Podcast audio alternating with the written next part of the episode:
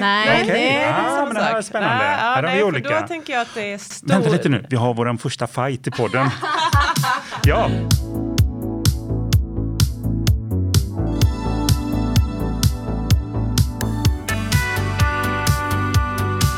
Hej och välkomna till Fika and Friends. Våran podd om samtal med mig Matilda, Christer och Fanny. Idag kommer vi prata om facilitering. ja, spännande ämne. Ja, eller hur? Och facilitatorns roll. Och vad är då en facilitator som ni här och tänker? Ja, men det är väl ungefär den vanligaste frågan jag får när jag berättar vad jag gör. För det är, nu, nu säger jag det de sista fem, sex åren. Jag jobbar som facilitator och bara what? Ja. Vad är det här? Vad säger du att du gör då? då? Ja, men jag säger att jag hjälper grupper att arbeta. Designar eh, upplevelser som vi pratade om förra gången eller designar workshoppar, arbetssätt. Ja, men jag hjälper företag att lösa problem eller grupper att lösa problem. Mm, mm. Och Jag tror att det, ja, det var intressant att du sa så här, att du började säga facilitator fem sex år sedan. För jag kommer också ihåg när jag började driva företag, ja typ nio år sedan, så var det, då sa jag inte facilitator. Då Utan, kunde jag säga så här workshopledare. Jajamän. Ja. Jajamän. Och sen, men sen efter några år så, så det är kanske precis att det började användas lite mer. Det fanns väl såklart innan, tänker jag begreppet, men det var, har blivit så exponentiellt vanligare. Och, eller den här härliga processledare. Ja, det har Ja, jag just också varit. Det. det. Det har jag aldrig varit och jag vill Nej. inte bli det. Nej, Men, då det, är ju ju- samma, det är ju samma sak egentligen. Det Nej. är... Nej, Nej, är inte ah, men det här är spännande. Nej, ja, här har nej, vi olika. Då tänker jag att det är stor... Vänta lite nu, vi har vår första fight i podden. ja, Nej, men för, för mig, det här, jag kan inte säga att jag har ett facit. För mig är en, process, eller en processledare, då jobbar man mycket längre över tid. Ja, man kan sant. vara inne i en process och liksom, det handlar mycket om facilitering. Men det kan också handla om mycket mer de här större grejerna. Vilka ska träffas? Man har kanske lite mer ett led, ledar och helhetsansvar. Som processledare kan man också facilitera Ja. workshops ja eller men jag, håller möten. med. jag håller med. Exempelvis. Ja. Och facilitering handlar kanske mer om en kortare, Ja. under ett specifikt möte. ja, men så är det. ju. det, och vad det handlar det om mer då? Att liksom vara den som skapar trygghet i gruppen och också, eller? Men för för mig är det att vara facilitator, det är en otroligt bred sak. Ja. Det är många grejer som, som sker, ja, man säger före, under och efter i min, min skalle eller mitt tänk. Hur, ja, men jag ska komma förberedd till någonting. Det är otroligt mycket aspekter och lager jag tänker på. Som sen ska kännas av deltagarna som helt självklara. De ska helst inte synas. Då har jag lyckats verkligen. Mm. Mm. Vad tänker ni? Jag tänker, ja, men du kom in lite där, just det här facilitatorn är nästan den bästa av världar tänker jag facilitatorn är ganska, alltså som den osynliga handen som liksom ser till, Precis. nu händer det grejer här och man kanske inte direkt ens ser, det är inte så att den personen står på scen och tada, här är jag, utan det handlar mycket mer om det här, styra, se till, det händer grejer så. Och att våga vara den personen fullt ut också. Det kräver ju ganska mycket ändå att kunna liksom våga lita på att gruppen kan ta det här ansvaret Absolut. och föra sig Och- framåt.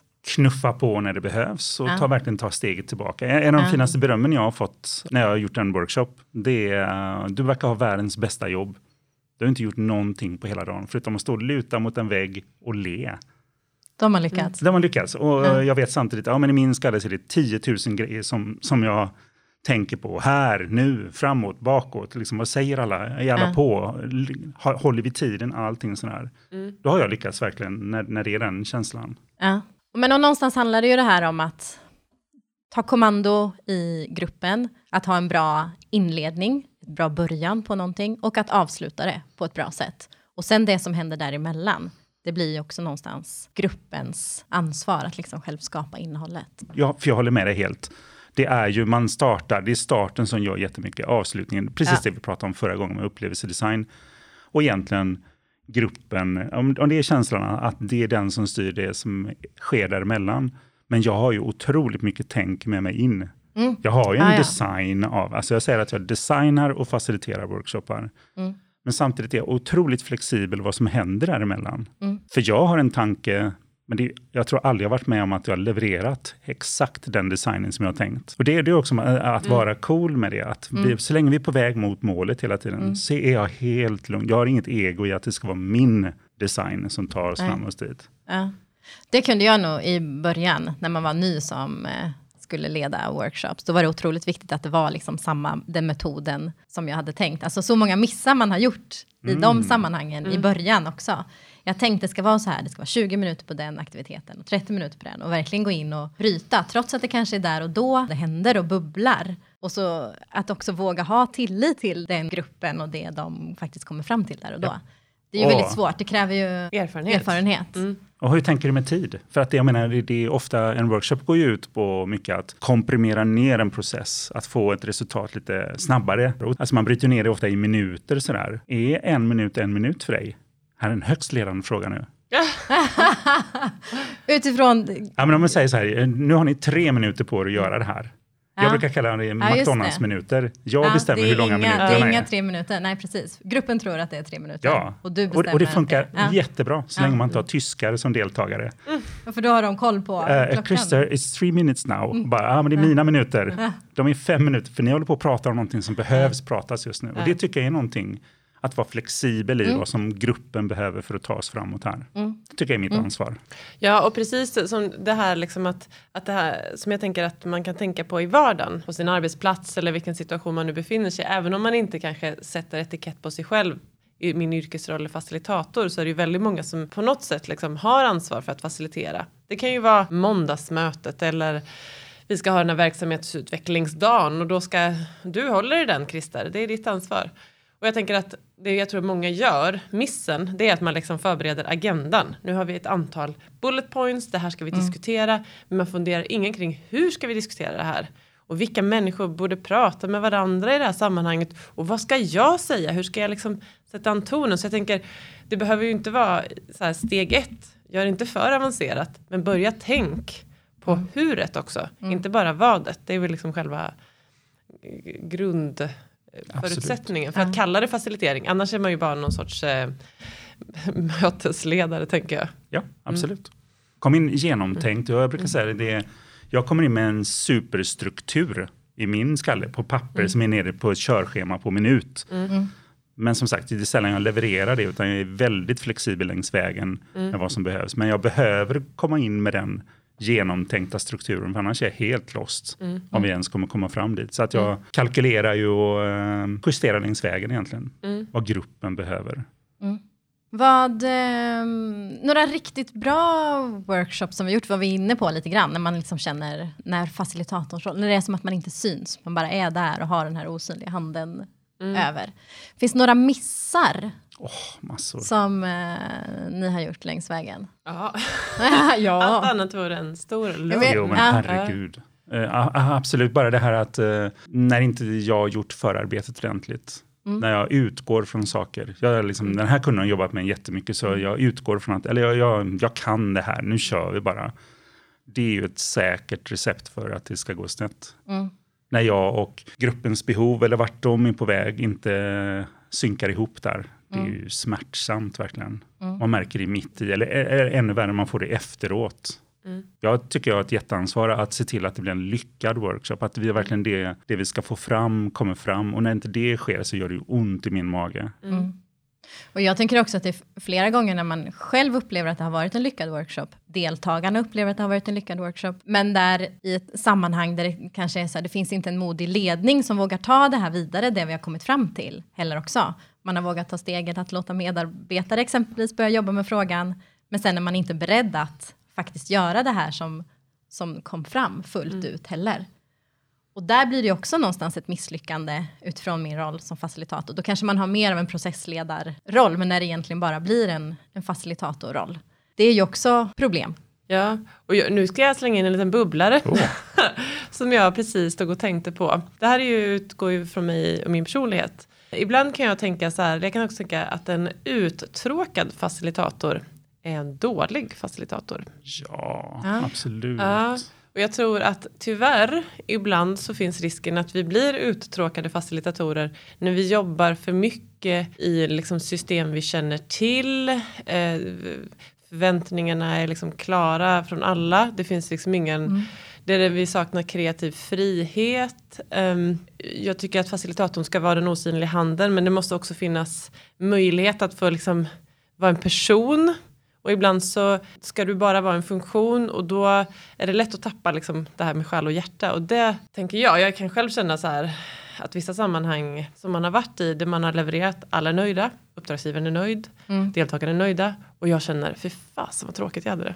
Alltså det är inte det, det här leendet liksom. Jag, jag kan inte känna den här nerven men eh, och där blir jag nyfiken, för mm. jag, kan, jag kan känna när jag gör mm. samma workshop många gånger. Mm. Är, det, är det där du är?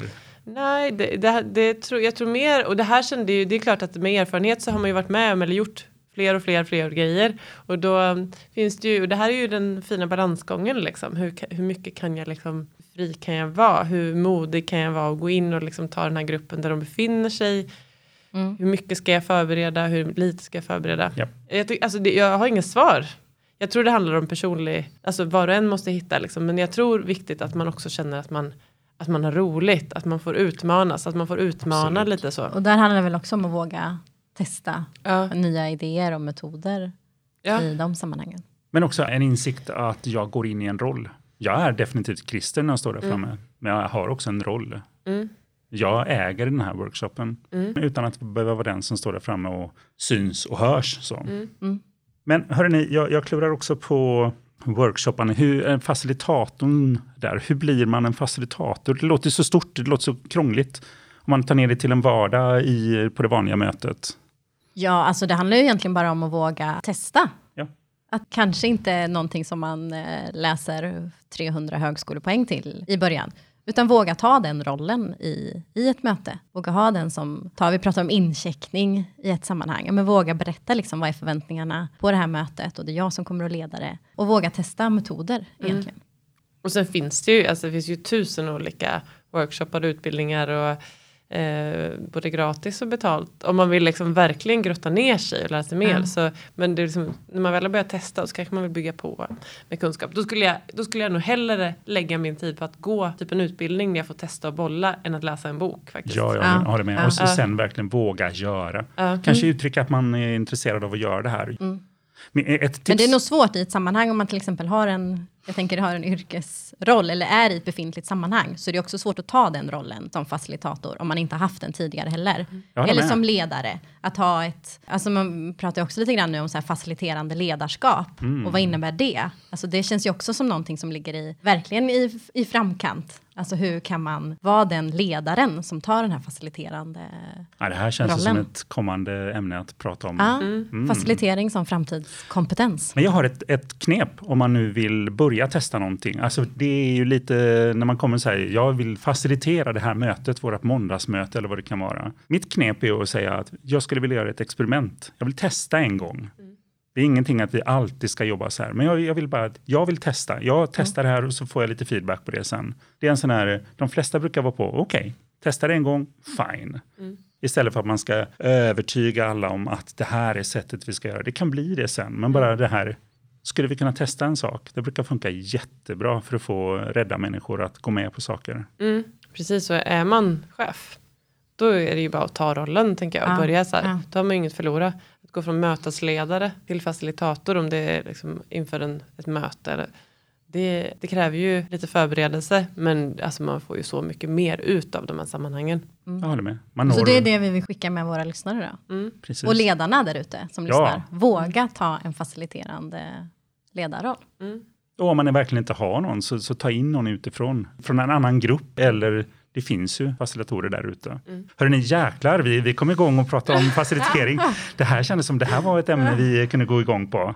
Vi, kommer nog, vi kan nog eh, fortsätta med det här vid det, det annat tillfälle. Så. De vill liksom bara börja röra oss kring det och pratat om vad det är.